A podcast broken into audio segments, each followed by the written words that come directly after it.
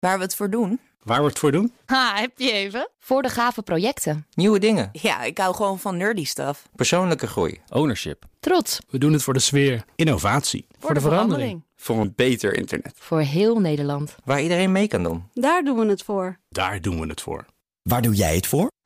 Kom werken voor KPN en groei op jouw manier. Check de actuele vacatures op het gebied van data, security, development en networking op jobs.kpn.com/tech. Hoi, ik ben Carlijn Meinders. Dit is Wetenschap vanavond. Een minuutje wetenschap voorbij het tandenpoetsen. Slaap is belangrijk. Slaap je slecht, dan kan dat allerlei negatieve gevolgen hebben. Je hebt het nodig om te herstellen van de dag. Maar wat herstel je dan precies met een goede nachtrust? Eerder werd al wel eens een link gelegd tussen slecht slapende artsen en schade aan hun DNA. Een ander team merkte op dat er overdag meer sprake van DNA-schade is dan s'nachts. Wat suggereert dat slapen bijdraagt aan het herstellen van DNA-schade die je gedurende de dag oploopt. In nieuw onderzoek naar zebravissen zijn ze dit nog beter gaan bekijken.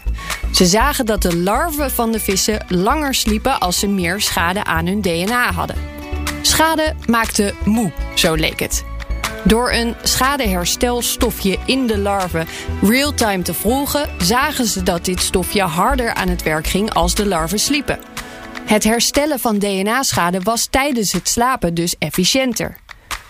Om te kijken of de aanwezigheid van dat herstelstofje ook de slaap stuurde, gaven ze sommige larven meer en sommige larven minder van dit stofje.